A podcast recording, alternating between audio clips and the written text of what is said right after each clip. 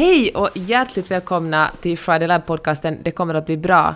Jag heter Peppe Öhman, jag är journalist, författare och medgrundare till Friday Lab och jag sitter i Santa Monica utanför Los Angeles.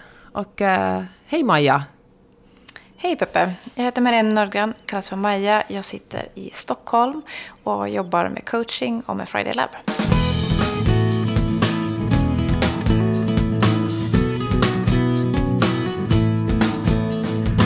Vet du vad jag tänkt på? Om eh, två veckor var det meningen att vi skulle flyga från Los Angeles till Stockholm och sen åka därifrån till Helsingfors och ha en stor middag. En traditionell stor middag som vi ordnar varje år för våra vänner. Och eh, det kommer inte att bli av. Det här liksom brukar vara en av de största, nej men en av de roligaste middagarna under hela året. Och jag är, ja men det känns jättesorgligt. Och det fattar jag verkligen. Gud vad deppigt. Och det är väl inte någonting som jag är unik med att känna. Alltså hela den här sommaren kommer ju att vara en lång räcka av planer som inte blir av och, och små mm. och stora besvikelser. Verkligen. Alltså jag kan verkligen känna att, att jag saknar det där att kunna planera. Att ordna middagar, att planera resor, att ja, men helt enkelt ha lite saker att se fram emot. Ja, Ja, det är fasiken, det är tråkigt. Samtidigt känner man att man ska absolut inte klaga för att det finns folk som har det värre. Så är det ju. Så är det. Hör du, vad, vad skulle du planera ifall du kunde planera? Ah, alltså jag skulle inte bara vilja säga, kunna säga att min mamma när vi kommer hem till, mm. till Finland. Det skulle jag kunna vilja göra. Och kanske planera in en helg med, med min syrra på hennes sommarställe. Ta med mamma och hela familjen och åka dit och ha det trevligt. Men, men det kommer inte att hända. Vad skulle du planera om man kunde planera någonting? jag känner ju så här, vi har ju flyttat till Sverige för ett halvår sedan och med främsta motivet att vara närmare familj och vänner. Eh, så jag skulle nog planera någon sorts eh, middag med massa människor ja. som jag tycker om. Det är vad jag skulle vilja göra. Vi hade ju stora planer på att ordna en retreat i Stockholm, en Friday Lab retreat eftersom den vi ordnade i Helsingfors i höstas var så otroligt lyckad. Och mm. Eh, det var vi tvungna att göra om från början till slut. Och Först måste jag ärligt talat säga att jag var ganska besviken, för jag... Ja, men det är en sak att få träffa folk och en annan sak att äh, men inte få träffa dem. Och så började vi planera hur man skulle göra en online retreat och äh, så insåg vi att, att äh, den här våren har folk suttit så otroligt mycket framför Zoom och en massa olika grejer som man gör framför en skärm och att kommer folk att ha lust att gå på en online retreat. Och, men samtidigt tycker jag att det här var lite roligt för när vi insåg det började vi planera om den, eller liksom se den från ett annat mm. perspektiv, utan och se det som ett, ett sätt att, uh, att ändå umgås. Att, ha liksom, att själva liksom skärmen blir ett sätt där man har kontakt med, med människor runt över hela världen, men uh, där man ändå sitter antingen med sig själv eller tar sina närmaste vänner och gör liksom en hel, ja, gör en hel dag av det typ åker mm. ut med sina bästisar till ett sommarställe eller, eller skickar ut familjen och, och, och är hemma och bara myser omkring och tänker på sig själv en hel dag. Det är en rolig kreativ process det där. Att man först tänker att, eh, jag tror det är den omställningen alla har fått göra nu, att först tänker man att man kopierar sitt ursprungliga eh, upplägg till digitalt. Mm. Och då blir det ju sällan särskilt bra. Nej, för det går Eller, ju inte. Det, det, det går ju inte. Och vi, vi jobbar ju 95% digitalt, så vi har ju alltid kört det digitala först. Så allting är planerat enligt att det är digitalt. Men här försökte vi omvända en fysisk sak till digitalt. Och vi märkte ju att det, det slog lite knutar på, på kreativiteten. Utan ja. Det var först då vi insåg att nej, i det här fallet så är det känslan först. På något sätt, vad är det de som deltar kommer göra under de här 12 timmarna vi håller på. Och då öppnar det upp helt nya, ja. nya möjligheter. När vi plockar bort det där med att man skulle sitta framför Zoom så tycker jag att det blev mycket roligare. Så den här dagen är upplagd på ett annat sätt. Det kommer vara vi kommer göra övningar som man gör själv. Eh, det kommer att vara promenader där man går och lyssnar på en, en, podd, en specialgjord podcast. Det kommer att vara nej små gruppsamtal, visserligen online men under korta perioder. Så man kommer flytta liksom ja, man är inte hela tiden framför datorn men man har ändå en grupp människor som gör samma sak under samma timmar på olika platser. Ja, och kanske lite på samma plats för att om man åker ut med några kompisar till ett speciellt ställe, alltså man får ju inte umgås med jättestora grupper människor Mm. Men att åka ut liksom med två eller tre, liksom, eller bara en. Eller, och, och sen, ja, men, sen, vi kommer ju också att avsluta med en, en middag där vi har en, en, en matkreatör som då säger åt en exakt hur man ska göra maten och så, och så håller alla på och, och kockar på sina håll i mm. sina egna kök. Och de som är helt ointresserade av att laga mat kan också bara ligga och titta på när någon annan lagar mat. Ja. Så kan man det är faktiskt beställa in mat. Det är room nice. service ifall man är på ett hotellrum.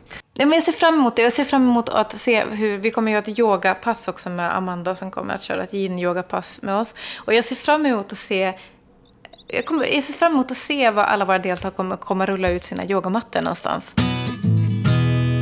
Men vet du vad som fastnade hos mig också?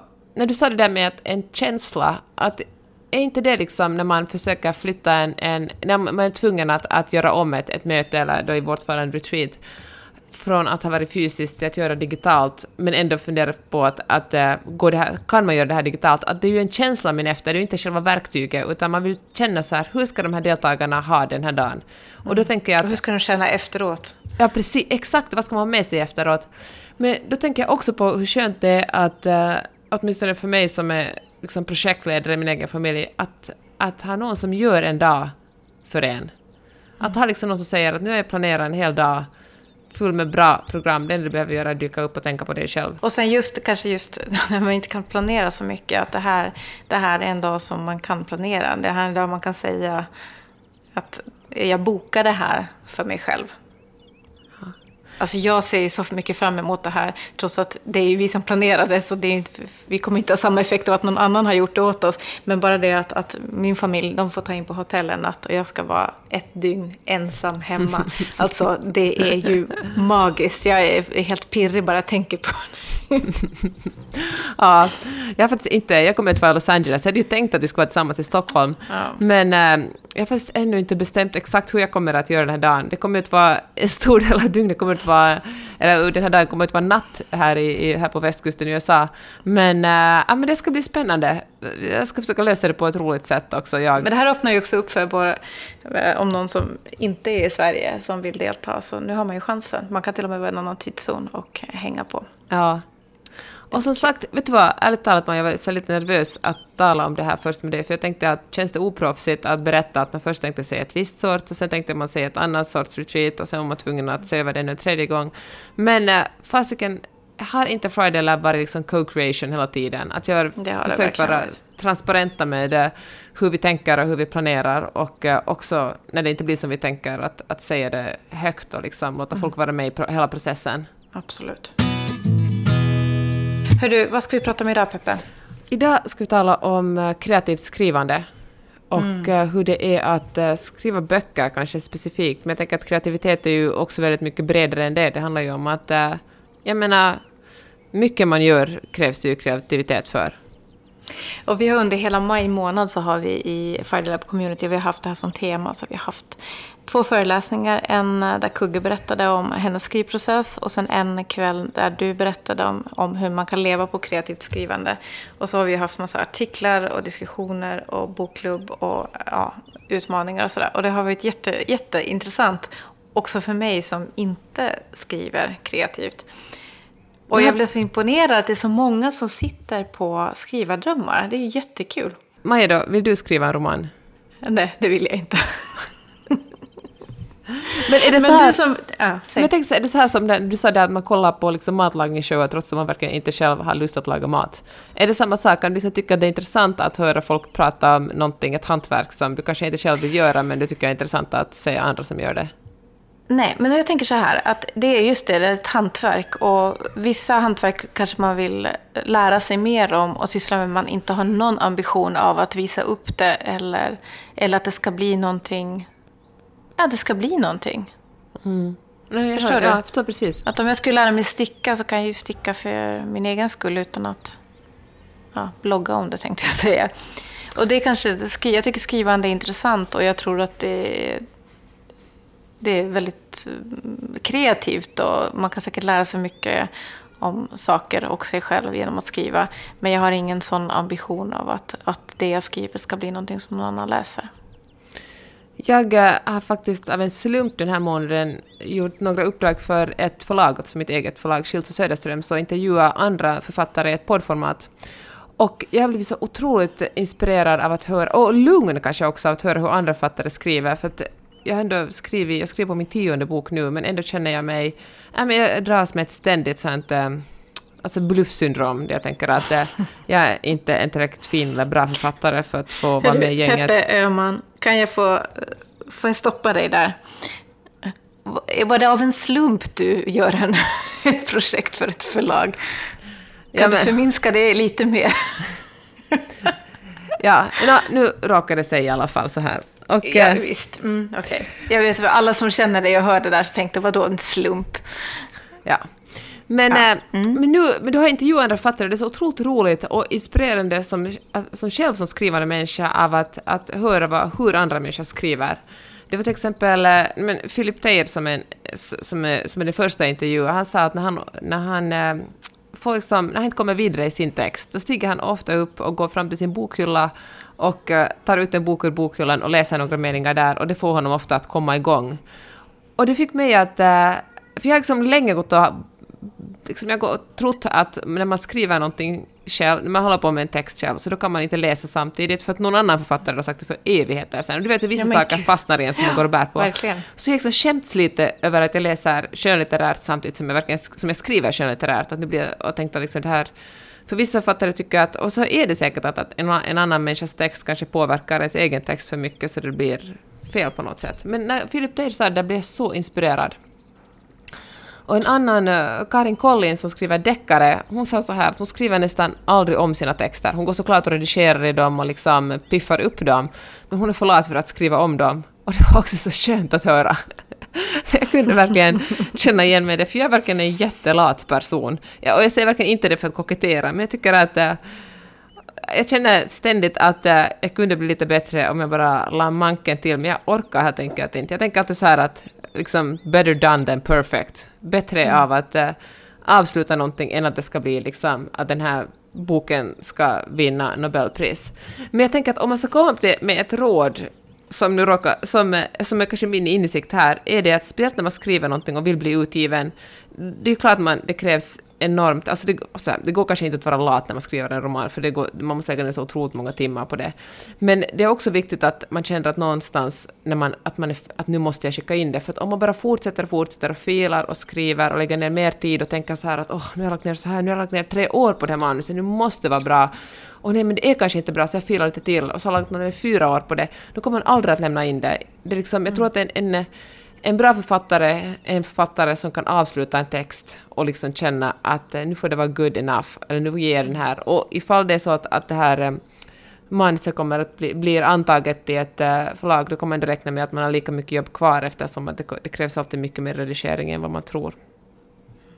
Jag tycker det är så spännande det där att, att det finns en massa regler som man har samlat på sig från det att man inte hade någon egen erfarenhet mm. och så håller man ändå fast i det. Jag tänker att det gäller alla, inte bara skrivande, utan alla liksom, livsregler. Eh, och vad bra det är att, att säga dem högt ibland så man kan ställa sig frågan, stämmer det här fortfarande? Eller ja, men, det verkligen. någonting tänk, det är dags att släppa? Och det handlar ju inte bara om kreativa, det är saker som man läste i Veckorevyn på 90-talet, liksom, mm. om att man inte får använda tvärrandigt för då ser man tjock ut. Och det värsta som kan hända en kvinna är att se tjock ut. Eller typ duscha med iskallt vatten för det är bra för att få fasta bröst. Ja, och så går man och bär det här liksom med sig resten av livet. Eller som att man inte får läsa skönlitterärt när man skriver skönlitterärt. Men hör du, har du några andra sådana här tips då som du kan, kanske någon annan också sitter med en gammal regel som kanske inte är helt allmängiltig, som vi kan skrota här? Ja, men det som, nu bara kopierar jag det som någon annan av de här fattarna som intervjuade sa, jag kommer inte ihåg vem det var som sa det, men, men att när man kör fast i ett stycke, man skriver så känner man att nu kommer jag inte vidare, det händer ingenting i den här scenen, i det här kapitlet. Börja skriva på ett annat kapitel då. Ingen säger mm. att man måste skriva boken liksom från kapitel ett till sista kapitlet, utan det är helt enkelt att hoppa till någonting som känns roligare att skriva. Och det som jag också, som jag faktiskt just nu själv i en fas att skriva en, en, en, roman, och eh, då var det en kompis till mig sa en otroligt rolig sak igår som jag kände att den här måste in i, i, det här måste in i texten. Och det är också fantastiskt roligt att man börjar iaktta sina medmänniskor och liksom lyssna på vad de säger, hur de reagerar och uh, skriver in det. Det är ju inte alltså man kan göra som Knausgård och skriva in det som riktiga personer, eller så kan man bara inspireras och göra ett hopplock av alla man mm. känner och allt man upplevt och liksom skapa, skapa liksom karaktärer av det. Det är en av den första romanen jag skrev som heter Vackra människor kom från att det var någon som förklarade för mig att man kan verkligen inte äta kakan och ha den kvar. Och då tänkte mm -hmm. jag att det måste finnas en, en, en person, en, en kille i den här boken som jag vill skriva, som tänker att det går visst att äta kakan och ha den kvar. Och att han baserar liksom hela sin, det är hans livs ideologi, och så börjar jag skriva den. Jag tror att man snackas ofta om hur tungt och jobbigt det är att skriva böcker, men det finns ju, och det är det, men det finns ju också väldigt mycket glädje i det, vill jag också påminna om. Jag tänkte just fråga, skriver man bättre när man har hittat någon sån här, någon sån här glädje ja, glädje. Just som något man har hört något bra eller man kommer på något bra idé. Är det lättare då? Jag tror faktiskt det. Och det är ju verkligen otroligt individuellt. Det känns också dumt att sitta och förklara hur man ska skriva böcker eftersom jag tror verkligen att det finns lika många sätt att skriva som det finns författare. Men eh, jag tror i och för sig också att om man är olycklig skriver man bättre. Liksom lyckliga människor är tråkiga människor. Men, är det så? Eh, Varför då? För att det finns så otroligt många fler, eh, inte Anna, Anna, alltså Anna Karenina börjar ju så här att det finns alla lyckliga familjer ser ut på samma sätt, men, men det finns... Fan, det här är liksom parafrasera, men, men, men alla olyckliga familjer är olyckliga på sina egna sätt. Och jag tror mm. faktiskt att det finns mycket mer att, äh, att gräva i, i olycka. Min, när jag kom ut med min allra första bok eh, sa faktiskt min förläggare, då var jag verkligen hade ingen aning om att hur det är att skriva böcker, då sa hon att man måste komma ihåg skuggorna. Att mm. äh, det svarta är oftast mycket intressantare än det ljusa. Och det tänker jag att också om man läser liksom feel böcker och, och böcker som man har köpt bara för man vet att de här kommer att sluta lyckligt, att man inte utsätter sig för någonting obehagligt. Och sådana böcker behövs verkligen, kanske extra mycket nu under en, en pandemi, när världen är osäker och skrämmande. Men, eh, men också i de böckerna, också feelgood-böckerna, måste finnas en skuggor. Det, finns något, det måste finnas någonting som, som kontrasterar det, det lyckliga. Hmm. Men du tänker så att träffa någon som är nykär, jättekul att tala om den här personens eh, objekt, kärleksobjekt i liksom tre minuter. Och sen zonar man ut för att eh, alla, är, alla är kära på exakt samma sätt. Alltså jag tänker att det här med att skriva verkar väldigt starkt kopplat till rutiner för många. Det är ofta man läser om författare så handlar det mycket om att men jag skriver alltid först på morgonen mm. eller jag skriver alltid tre timmar här och tre timmar där. Att man har många som har väldigt, väldigt tydliga rutiner kring sitt skrivande. Vad tänker du om det? Jag tror att det är viktigt. Jag säger inte att alla måste göra så, men jag tror att speciellt om man vill komma igång är det viktigt. Och då tycker jag man ska vara snäll mot sig själv. Man behöver inte sätta sig ner och säga att på tisdagen ska jag skriva och sen tror man att man skriver hela dagen. Utan det kommer att säga så här, på tisdagen ska jag köra pomodoro-metoden och skriva åtminstone mm. 25 minuter. Det är viktigare att skriva 25 minuter varje dag än att skriva en hel dag en gång i veckan eller varannan vecka. Jag tror att det finns... Eh, att, för det tar alltid en liten stund att komma in i, i, i sin text. Det var också någon författare som sa att aldrig läsa det man har skrivit dagen innan, man måste få en viss uh, distans till det och det kände jag väldigt mycket igen mig. Men, att, men ifall man skriver bara en gång i veckan, då, behöver man, då måste man antagligen gå och titta vad man skrev senast eftersom man inte riktigt kommer ihåg det. Men skriver man i, mm. säg bara 25 minuter, en halvtimme varje dag, då finns man ännu inne i den världen man har skapat och då är det, då är det lättare att, att bara hoppa på tåget och, och skriva vidare. Och sen långt efteråt bara läsa om och säga att vad som funkar och vad som inte funkar. Men vad ska man skriva om då? Man behöver verkligen inte ha en, eh, en struktur, tycker jag. Det, eller vissa projekt kräver en struktur, andra inte. Förlåt, nu är jag verkligen jättetråkiga svar, men jag tror faktiskt att det finns eh, så många sätt att skriva om. Men jag tror att man ska skriva om någonting som man känner till. Alltså det, jag tror att ett av de äldsta råden när man ska börja som författare är att skriva något, som någonting som man känner till och man ska skriva om någonting som bränner, någonting som man skäms över eller någonting som gör ont, eller någonting som man något som man känner starkt för. Och, och, börja där och se vart det leder. Det låter ju som världens största klyscha att, att, eh, att, eh, att texten själv får fart när man kommer igång. Och, och jag upplever faktiskt så, jag kan ju inte tala om, tala om några andra, men, men det är faktiskt en, en otrolig känsla när man, när man kommer in och, och man märker att jaha, vänta lite, de här jag är just nu i en, en, en passage i, i, min egen bok där plötsligt åker huvudpersonen ut till Lidingö med sin man och så finns det en, en jätte, en, en eh, hälsa på liksom en exfru och hennes nuvarande man som heter Konstantin och han är, han är jätterik och håller på med lite skumraskaffärer och superbullrig och, har, och liksom, eh, han är en jättestor karaktär och liksom, han, hade, han fanns verkligen inte i boken förrän jag började skriva den dagen. Okej. Okay. Han bara ju- dyker upp. Ja, men det är så roligt när man... Och jag vet hur töntigt det låter att säga det här, men det är faktiskt, eh, det är faktiskt spännande att komma vidare. Det händer ju verkligen inte varje dag, men när man märker att vänta lite, varför kom den här personen? Fanns den här personen också inne i mig och ville ut på det här pappret? Det är underbart man får det flowet. Men om man vill då lära sig det här hantverket, hur, hur ska man börja? Men jag tror verkligen att man måste läsa mycket. Det, det är ett... eh, Det är väl, och för jag tänker att när man läser, och så kanske man ska läsa lite med tanken, varför gillar jag det här? Varför tyckte jag så hemskt mycket om den här boken? Eller varför tycker jag inte om den här boken? Och kanske, jag vet att det kan ju, jag tror att många tycker att, det- att man förstör lite en bra historia om man liksom vill vet bena upp den och försöka hitta någon slags eh, dramatiska kurvor i den. Och, och kanske man inte behöver gå så långt, men åtminstone försöka fundera på att varför, varför faller den här mig i smaken? Vill jag skriva så här? Och sen handlar det såklart bara om att skriva. Jag tror verkligen inte att det är så att vissa föds till författare och andra föds inte till författare. Jag tror att äh, vissa människor har... Det krävs ju otroligt mycket tålamod för att orka skriva en bok. Och eh, vissa människor har det tålamodet och kanske den viljan. Det, alla, alltså när, man, ett, när man kommer ut med en bok om, finns det en massa människor alltid som säger till en så här åh, jag ska också vilja skriva en bok, men jag har helt enkelt inte tid. Och, och då måste jag bara säga att ingen människa i världen har tid att skriva en bok. Alltså, det är någonting som man bara måste röja tid för om man verkligen vill det tillräckligt mycket. Och om man bara tycker att det verkar soft att vara författare och göra intervjuer om hur det är att skriva böcker, då kanske man inte har liksom... Eh, det är sällan som det räcker för att komma i mål med en riktig bok. Jag tror verkligen att man måste tycka om att skriva och liksom se någonting värdefullt i det. Och det som du sa när vi började den här podden, att det finns ju någonting att, att skriva bara för sig själv också, att man... Jag tror att man liksom lär sig någonting om sig själv när man skriver. Utan att nu, jag nu ska låta för pretentiös. Men, Äh, men att eh, jag tror att vissa saker som man skriver gör det lättare att förstå sig själv, för man skriver om sånt som man kanske inte aktivt tänker på. Som att det finns en liksom skumrask som heter Konstantin inne i en.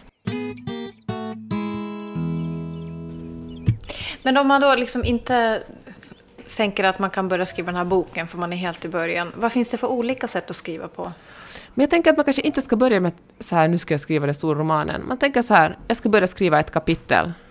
Jag vet att nu kanske någon skulle säga att man börjar med att skriva en novell, men jag tycker det verkar otroligt mycket svårare att skriva noveller eftersom eh, man måste få in så mycket mindre, eller så mycket mer på en, en så kort, i en kortare text. Jag tror att det är lättare att skriva långt än att skriva kort.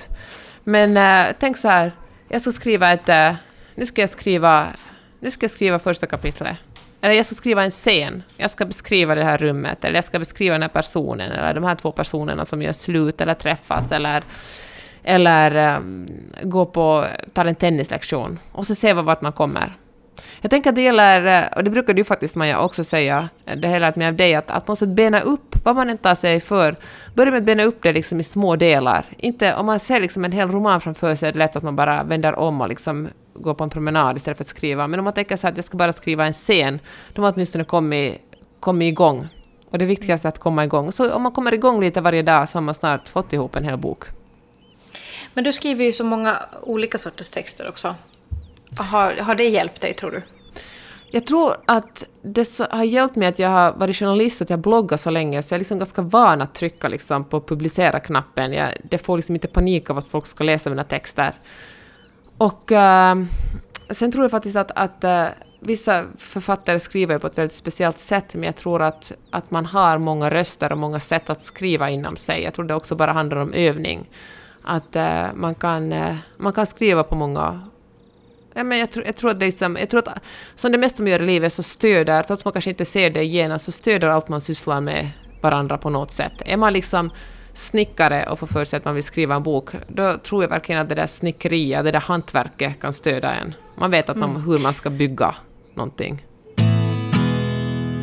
Jag började precis läsa en bok som heter Range av eh, David Epstein. Och det handlar om, nej men det handlar om hur här stjärnor, alltså som, som verkligen blivit de bästa i sitt område, har varit väldigt generella i början av sina karriärer. Att de gjort väldigt många olika saker. Hur, till exempel, första exemplet i den här boken, jag har kommit typ ett kapitel in, eh, är tennisspelaren Federer. Hur han höll på med massa, massa olika sporter som barn och hade liksom ingen press. Att det bara råkade sig sen att han valde tennis. Eh, Men han gjorde det väldigt sent i sin Gud vad karriär. intressant. Och, och att det, det gäller eh, många saker att, att och jag tänker att kanske det är som skrivande också, att om man skriver lite här och där och på många olika sätt, att det är någonting som, som hjälper en att skriva väldigt bra senare, därför att man inte har liksom, valt en väg från början. Kan du tänka, finns det några sådana författare som du känner till som skriver väldigt olika sorters böcker? Men det finns ju väldigt många författare som skriver både barnböcker och vuxenböcker, som då Sanna Tahvanainen till exempel. Hon är ju en otroligt duktig barnboksförfattare, men också otroligt duktig på att skriva romaner och att skriva historiska romaner, liksom, där hon gör jättemycket research om en människa som verkligen har funnits. Och uh, jag tänker att det också kan, eller jag undrar det var hon som sa det när jag intervjuade henne, hon sa så här att att för henne är det skönt att, att börja med någonting helt annat. När hon har skrivit liksom en historisk roman så kan det vara otroligt... Säg att hon, hon skriver en bok om Coco Chanel. Då kan det vara mm. jätteskönt att, att skriva en, en, någonting helt annat, skriva en barnbok emellan innan hon tar tag i... Och utan att förminska barnboken, den har precis lika mycket tyngd. Men innan hon går ner i liksom samma, att skriva en annan historisk roman om en, om en kvinna som levde förr i tiden. Så jag tänker att, att på så vis stöder, stöder liksom alla de här projekten, eller alla de här olika skrivstilarna varandra. Men jag tänker också att, äh, att om man är att om man sysslar med liksom men någonting som verkligen inte har alls med skrivande att göra, så behöver man inte heller, men ändå är sugen på att skriva en bok, så ska man ju absolut inte avskräckas från det heller, för jag tror verkligen att, att det man sysslar med, är man... I somras klippte jag håret i Stockholm, det händer inte så ofta att jag går till en frissa, det gör man typ en gång eller två, eh, två gånger om året. Och då sa min frissa att hon jättegärna skulle skriva en bok, att hon har en så jättebra historia inom sig. Och mm. det säger i och för sig alla, men måste, då, så här ville jag säga, men jag sa inte, för man vill inte vara den personen som säger sånt. Mm. Men att vem som helst kan ha en idé och vem som helst kan ha en jättebra historia, men den är faktiskt tyvärr inte värt någonting förrän man verkligen skapar, gör någonting av den. Är det ett filmmanus eller ett, eller såklart det är värd någonting för en själv. Men, men om man vill göra något, om man skriver en bok eller skriva en, eller, eller göra ett filmmanus, så är det ingenting förrän man verkligen har satt ner det på papper och, och strukturerat upp den och gjort den till en, en historia. Men, eh, men då kunde, men fan, hon är säkert, kan ju vara en hur bra författare som helst, så då, då talar vi lite om det där att man har den där historien, då måste man bara, då kanske hon kan ha erfarenhet av sitt jobb som, som frissa och skriva in det liksom. Och, ja. Men vad jag menar bara att, att man ska inte bli, oberoende av vad man jobbar med, ska inte man bli avskrä, avskräckt från att, från att skriva, utan jag tror verkligen att man måste känna att att, vad, att vad man än har gjort så kan det stödja en i, i, processen. Så vem som helst kan skriva, men man måste faktiskt skriva? Det kräver att man faktiskt sitter ner och skriver och jobbar på det. Eh, men det är väl så. Alltså, eh, man kan ju kanske inte bli värd, men det är ju ingen garanti för att bli utgiven heller. Alltså, fan så, jag, tror, jag tänker gärna på min förläggare, ska säga, hon brukar säga att alla människor har faktiskt inte en bra bok inom sig. Och det är ju inte så roligt att höra. Om men... de inte bor på Island, för de lär ha världens äh, största utgivning per äh, medborgare där. Jaha. Där har nästan alla skrivit en bok, berättar min isländska vän. Jaha. Ja, men okej, okay, ifall man inte är islänning då gäller det här. Ja. Men, det, men vem vet, kanske man, eh, det vet man inte förrän man börjar skriva om man är en av dem som har en bok inom mm. sig. Och jag tänker att, att viljan att, att skriva kanske ändå måste vara lite större än viljan att bli utgiven. Och man kan ju också testa på att ge ut själv. Jag menar, jag tänker ofta på J.K. Rowling. Hon skickade väl sina Harry Potter-manus till jättemånga förlag och alla tackade nej. Tills det var någon som tackade ja. Så det är ju det är en, en tuff process liksom, men, men ett nej betyder inte att alla säger nej. Alltså det är också roligt, men det är också en mycket längre, tuffare och ångest, mer ångestfylld process att skriva en bok än vad man kanske tror innan man har gjort det. Men ska man då liksom fokusera mindre på slutresultatet och mer på, på vä ja, vägen dit? Det tycker jag låter som en bra idé faktiskt. Bara försöka liksom göra det man kan just under den dag, just idag nu och sen mm. se vart det leder. Och sen kanske, men ändå kanske det inte skadar att ha någon slags slutdatum så att man inte håller på och filar på den i, i tio år. Vissa böcker kräver kanske tio år för att, för att bli färdiga, men, men inte alla. Så lite mer som att ta ett, lägga upp ett löpprogram och och eh, jogga lite var tredje dag men inte anmäla sig till maraton direkt. Ja, men kanske det. Och sen kanske när man joggar var tredje dag så märker man att man småningom visst kan ställa upp i det maratonet utan att man liksom har, har märkt av så har man blivit bättre. Mm. Jag tänkte på det där snickaren och skrivaren, det är mm. också lite vad vi ska prata om på retreaten, eller inte vi. Paulina äh, ska ju äh, prata om reskilling, det är en av om de sakerna som vi har på programmet. Paulina Modlitba som är framtidsspanare brukar vi kalla henne. Och det handlar mer om att hur vi lär oss saker genom livet och hur vi kan addera de här till varandra. Alltså saker som vi inte ens tänkt på, erfarenheter vi plockar med oss. Och hur vi kan liksom lägga ihop dem och titta på det och se, kan det här paketet vi nu har, kan det leda oss till något nytt? Finns det något annat spännande vi skulle kunna fokusera på? Inte så mycket om att hetsa om att lägga till saker, utan mer titta på vad är det vi redan har. Gud vad skönt och befriande det är, för jag har ofta känt så att mitt eh, CV är så himla splittrat liksom, att ingen kommer att... Ja, folk har till och med sagt det eh, sådär, inte så elakt, men i alla fall insinuerat liksom att, att, eh, man ska inte ha ett så splittrat CV, man ska inte ha jobbat liksom både inom utrikesförvaltningen eller, eller, eller statsförvaltningen och sen med någonting kreativt. Men, eh, men nu när vi har börjat tala om det här med liksom att se att allt hänger ihop, så att något sätt hitta ett, ett lugn i att kanske det är bra att, att ha, komma liksom med erfarenhet från en, ett otippat håll. Och vi, vi står ju också inför en framtid där vi inte riktigt vet vad är det som kommer vad är det som kommer krävas? Vad är det som kommer behövas? Och kanske, kanske just du sitter på kombinationer som som är efterfrågade som du inte har tänkt på? Men, eller som vi inte vet om idag?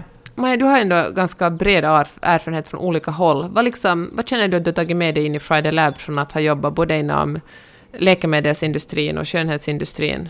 Ja, men jag tror att, att eh, det är inte så stor skillnad att, att orientera sig i stora organisationer som i små organisationer.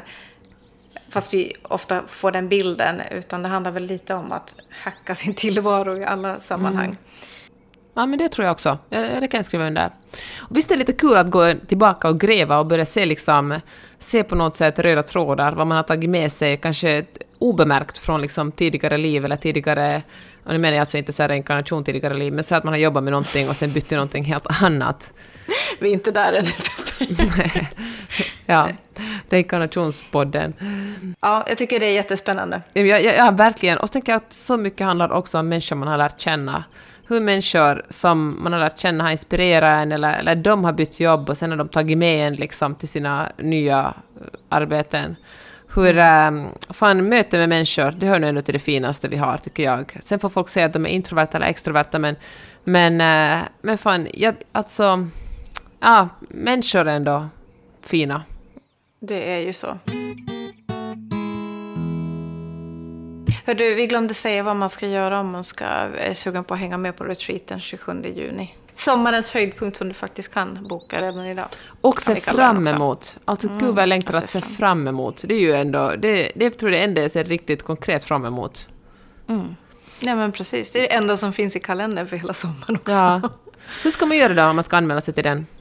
Yes, men då kan man antingen gå till vårt Instagram, fridaylab.se och eh, där finns en länk där man kan anmäla sig och titta på programmet.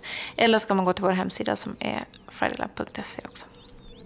Ja, det var inte mer komplicerat än så. Mm, nej. Hör du, Maja, det var ett nöje att prata med dig som vanligt. Jätteroligt. Tack för alla kreativa skrivtips. Hör du, tack själv. Vi eh, hörs snart igen. Ja, det gör vi. Tack för att ni har lyssnat. Tack. Hej! Hej!